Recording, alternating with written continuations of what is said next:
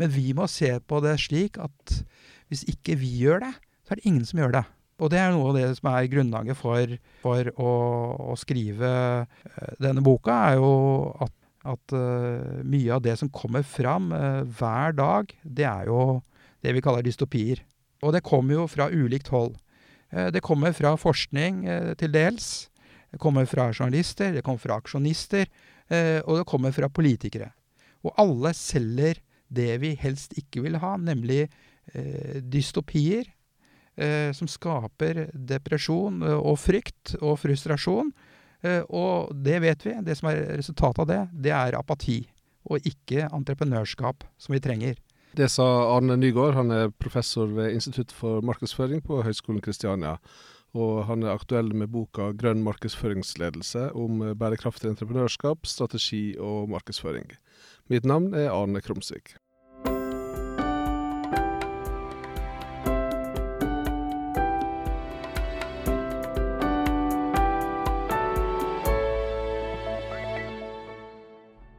Det er jo fra Porsgrunn. Eh, og i Porsgrunn på 70-tallet så var det jo det man kan kalle svært forurensa. Det var vel eh, kanskje Norges mest forurensa område. Eh, I dag så er det ryddet opp ganske mye i det verste som var der. Men det er jo fortsatt restriksjoner på f.eks. fiske av krabbe ytterst i, i fjorden der. Eh, så dette hadde, jo konsekvenser for meg eh, under min oppvekst. Eh, og vi var jo med på å lage protestaksjoner allerede da, på 70-tallet. og det var jo naturlige grunner til det. Mange fikk jo astma. det var rett og slett vil jeg si, forbundet med fare å, å bade enkelte steder. Eh, kloakk og industriavfall gikk jo rett ut i eh, Skienselva. Og, og landa jo da på stranda nede, nedenfor der jeg bodde. Så jeg så det under, under oppveksten. Eh, og er jo glad for at jeg får anledning til å, å, bidra på dette området nå. Når var dette begynt å bli et eh, tema som akademikere har vært opptatt av? Ja, det er et godt spørsmål, fordi uh, jeg uh, har jo en uh, handelshøyskolebakgrunn. Jeg er jo siviløkonom. Uh, og uh,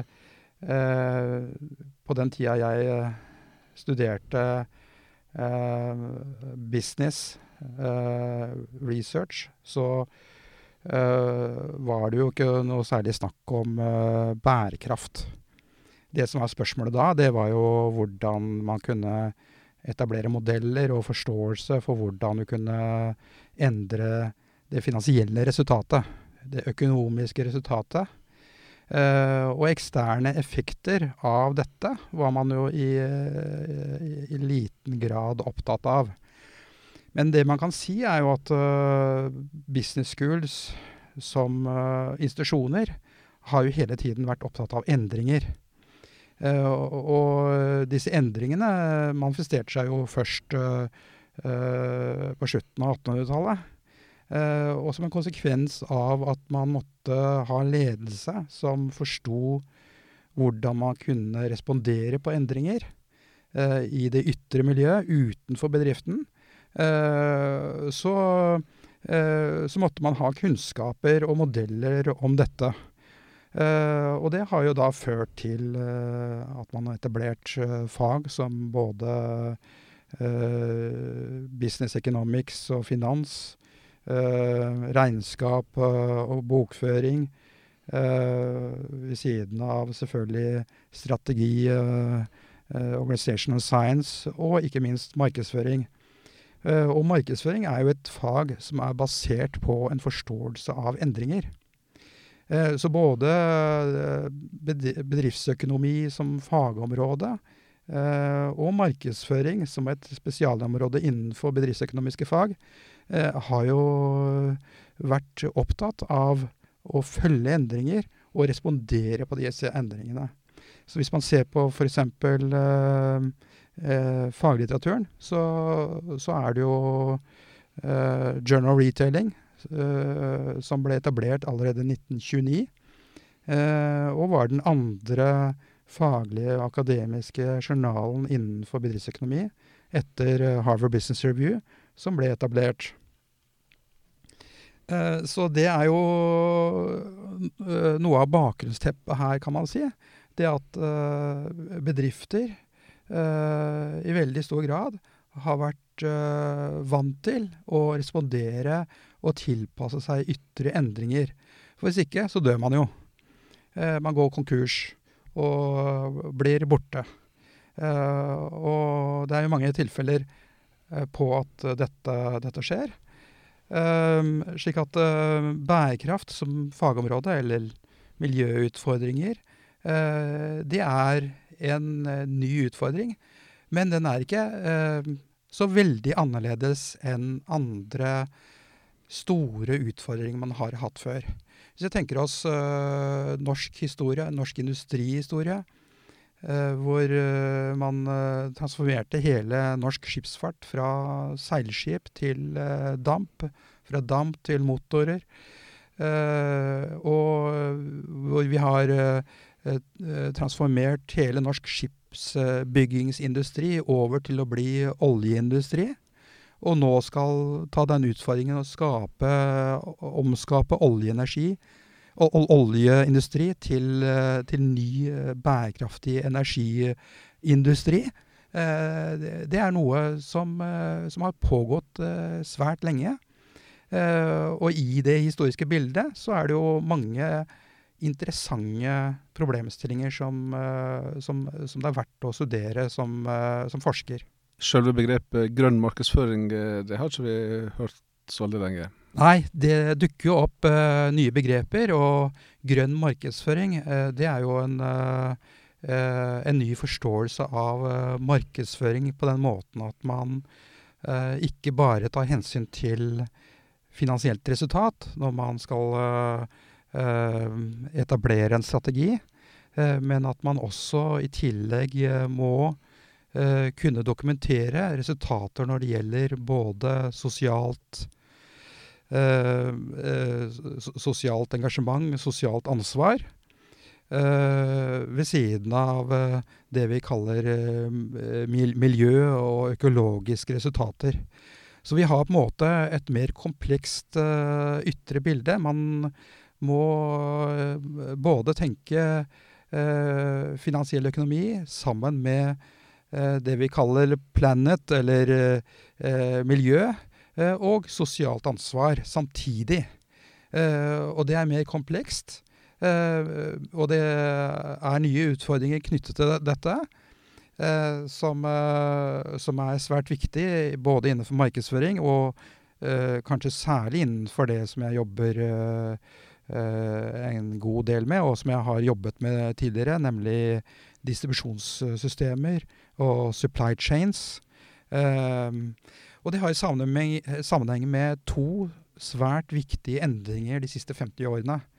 Hvis vi ser på disse endringene, så er det så er det da for det første globalisering som har skjedd de siste 50 årene, etter at tollmurene falt, og varebyttet internasjonalt og globalt har begynt å skje. Og det, er jo en massiv endring. For eksempel så så var det jo skjortefabrikk i Selje på 60-tallet. og det var skofabrikker rundt omkring i Norge. I Oslo var det flere områder hvor det var produksjon av av tekstiler og skofabrikker som har blitt borte, og de har da blitt outsourcet til stort sett den tredje verden. Fordi de har vært I sin produksjon så har de har de vært svært arbeidsintensive, og når lønningene i Norge har gått opp, så så har dette forsvunnet ut til den tredje verden, både i Asia og til dels også i Afrika. Så vi kan si at distribusjonssystemene har blitt mye lengre. Forsyningskjedene begynner ikke på Majorstad lenger, de begynner i Asia. De begynner i India, Pakistan, Sri Lanka. og andre steder.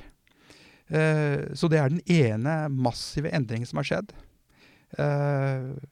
Når det gjelder tekstiler, f.eks., så regnet man med at 95% av alle tekstiler som ble forbrukt i USA på slutten av 60-tallet, ble produsert i USA. Og nå er det akkurat motsatt. Nå er det omtrent 5% som blir produsert i, i USA, og 95% av alle tekstiler som blir forbrukt i USA, blir produsert i annet Asia. Så dette skaper en, helt ny uh, virkelighet uh, og nye utfordringer. Og det er fordi at uh, det som vi tidligere så med egne øyne Vi kunne kontrollere det. vi kjente noen i nabolaget som jobba på fabrikken. det var journalister som sjekket ut om forholdene på en fabrikk var ryddige og skikkelige. det har vi ikke lenger. Nå er dette, denne produksjonen eh, forflyttet til områder eh, der vi ikke i det hele tatt kan kontrollere eh, hva som foregår. Eh, og det er det vi kaller informasjonsasymmetri. Informasjonsasymmetrien i disse distribusjons- og produksjonssystemene har økt dramatisk. Eh, og det har ført til at eh, en del industribedrifter har outsourcet det vi kaller uetisk, eh, helt uansvarlig virksomhet til den tredje verden. Eh, slik at det holder ikke lenger å kunne måle og sertifisere eh, bærekraftighet i norske bedrifter. Vi må begynne helt fra begynnelsen. Helt fra produksjonen begynner i gruvefelt i Afrika, for å sjekke ut om et produkt er bærekraftig eller ikke. Og det er en stor utfordring. Og konsumentene øh, krever det i økende grad. De som kjøper produkt, eh, ønsker å få vite hele historien til produktet? Absolutt. De ønsker å vite hele historien. I alle trinn gjennom hele prosessen. Fra koboltgruvene, som er grunnlaget for elbilenes batterier Eh, og helt til eh, forhandler. Eh, og ikke bare det, men også tilbake til resirkulering av produktene. Og det sier seg sjøl at det, dette her er komplekst. Her er det mye opportunisme, mye lureri og fanteri. Vi hadde jo en dokumentar på NRK for bare et par uker siden som dokumenterte at Eh, det nå fylles opp eh, bilvrak i Norge, eh, fullastet med elektronisk materiell, som da kjøres ned til Vest-Afrika. Og så skjer den såkalte resirkuleringen av metaller der nede, som jo mange kanskje har sett er helt uansvarlig. Der settes det f.eks. fyr på elmateriell. Eh, så det brenner opp på en strand, og så flyr det da guttunger på, ned i femårsalderen eh, rundt omkring og, og, og, og plukker opp eh, metaller. og puster selvfølgelig inn disse gassene som kommer da fra det vi kaller flammehemmere, som er i alle PC-er, f.eks. for at ikke PC-en din skal ta fyr. Eh, så når den eh, gassen eh, kommer, kommer, opp i lufta og pusses inn, så er den svært kreftfarlig. Så dette her er noe som skjer i dag, og som heldigvis da ble dokumentert igjen av NRK. Og satte i gang en prosess for at vi nå skal forsøke å hindre dette i å skje. Men vi ser det samme når det gjelder kobolt. At produksjon av kobolt i i Øst-Kongo eh, er jo motoren i borgerkriger, eh, i, i eh, kriminell atferd, utbytting av folk, slaveri osv. Uh, og det er jo noe som da vi må sørge for å hindre. Uh, derfor så har jeg også uh, begynt å jobbe litt med det vi kaller closed loops. Mange av dere har kanskje hørt om urban mining, eller hvordan du kan resirkulere metaller i området i Europa, i Skandinavia.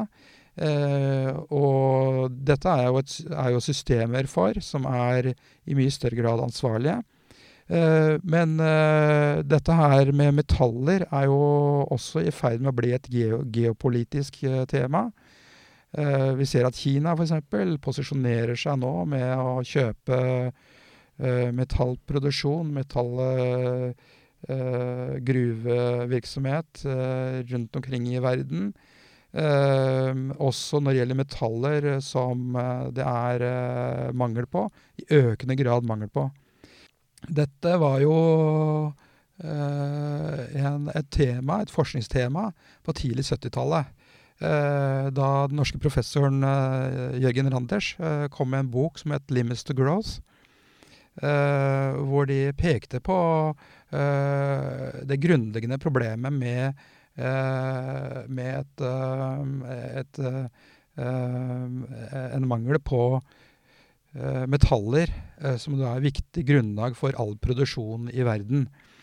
Sånn at dette her kommer til å føre til, sannsynligvis, en økende grad av integrering av disse systemene.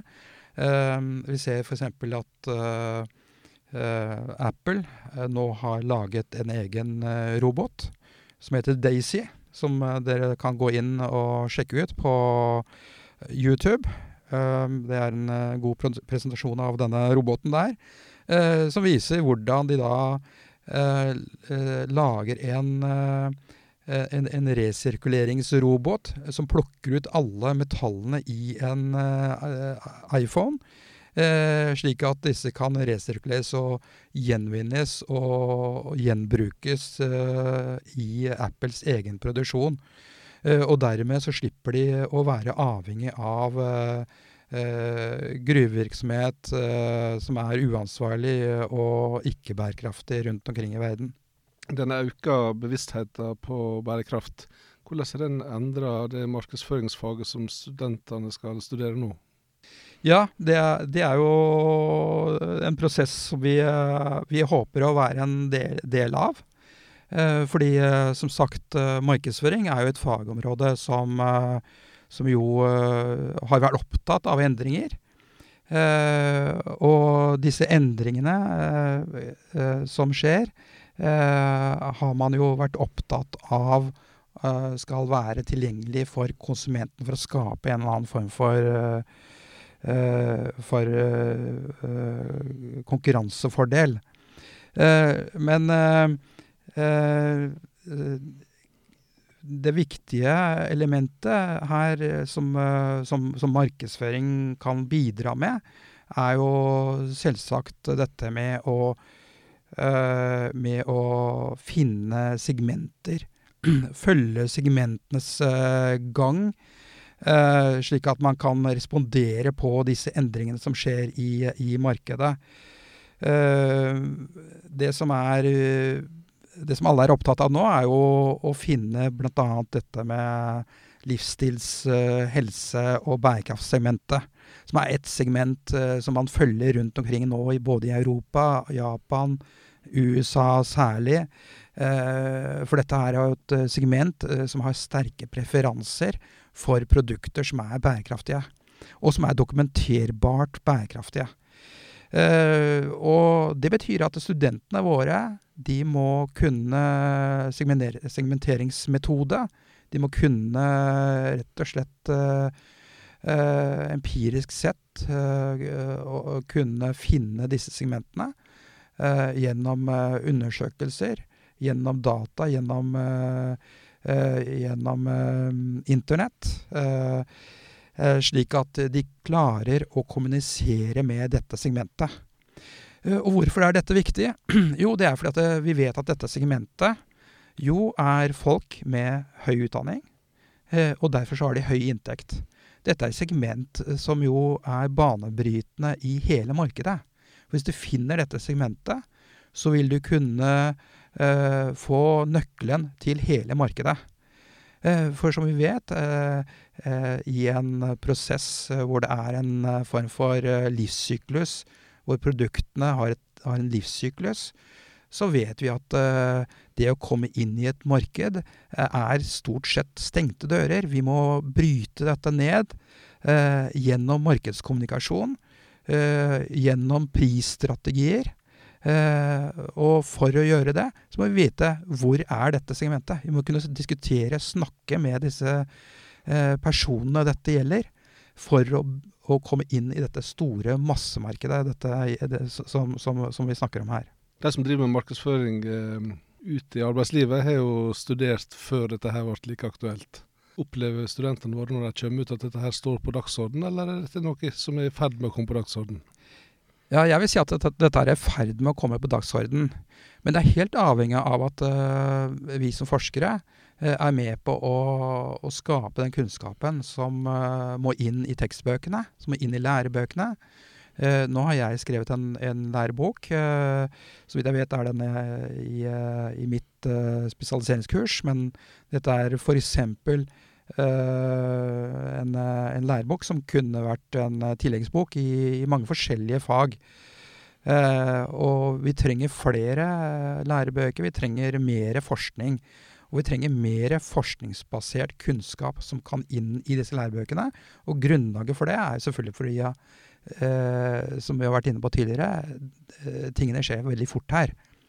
det er jo forståelsen for to ting to ekstremt viktige drivkrefter eh, som er i ferd med å, å endre eh, forretningslivet og industrien.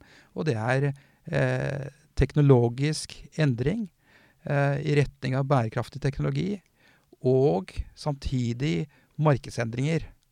Ja, og du kan ikke tenke det ene uten å tenke det andre. Eh, det er viktig å kunne ha en, en, en, god forståelse for begge disse arenaene når man skal drive markedsføring. Uh, og det er klart, uh, de som uh, fikk en markedsføringsutdanning for bare fem år siden, er ikke oppdatert på disse endringene som vi, som vi nå ser foran oss. og særlig ikke dette med, med distribusjonssystemer, hvilken informasjonsasymmetri vi står overfor, hvilken utfordring vi står overfor når det gjelder markedskommunikasjon rettet mot dette eh, nye segmentet som må fotfelles. Vi må kunne, kunne eh, kommunisere med dette segmentet. Uh, for hvis ikke vi kan, kan, drive med aktiv kommunikasjon med dette segmentet, så kommer vi heller ikke inn i massemarkedene internasjonalt. Så vi, er, eh, vi, har en del å gjøre her. Vi har, vi har en, en, en, stor jobb vi må gjøre. Men vi må se på det slik at hvis ikke vi gjør det, så er det ingen som gjør det. Eh, og det er noe av det som er grunnlaget for, eh, for å, å, skrive eh, denne boka, er jo at eh, eh, at mye av det som kommer fram hver dag, det er jo det vi kaller dystopier. Eh, og det kommer jo fra ulikt hold. Eh, det kommer fra forskning eh, til dels. Det kommer fra journalister, det kommer fra aksjonister, og det kommer fra politikere. Og alle selger det vi helst ikke vil ha, nemlig dystopier som skaper depresjon og frykt og frustrasjon. og det vet vi. Det som er resultatet av det, det er apati, og ikke entreprenørskap, som vi trenger det er innovasjonsbasert entreprenørskap som kan løse disse problemene. Det er ikke, det er ikke frykt. Det er, det er, ikke streik. Det er ikke streik. Eh, det er ikke, det er ikke mm, skriking eh, og skulking av skoler. Eh, tvert imot, vil jeg si. Vi trenger mer kompetanse. Folk må gå mer på skolen. Folk må finne seg i å sette seg inn i mer komplekse teknologiske prosedyrer og eh, skape grunnlag for nye produkter som kan løse disse problemene. Eh, det er jo noe av det som, som, jeg, som jeg, tror vi må, vi må eh, få til her. Eh, for vi har ingen andre alternativer.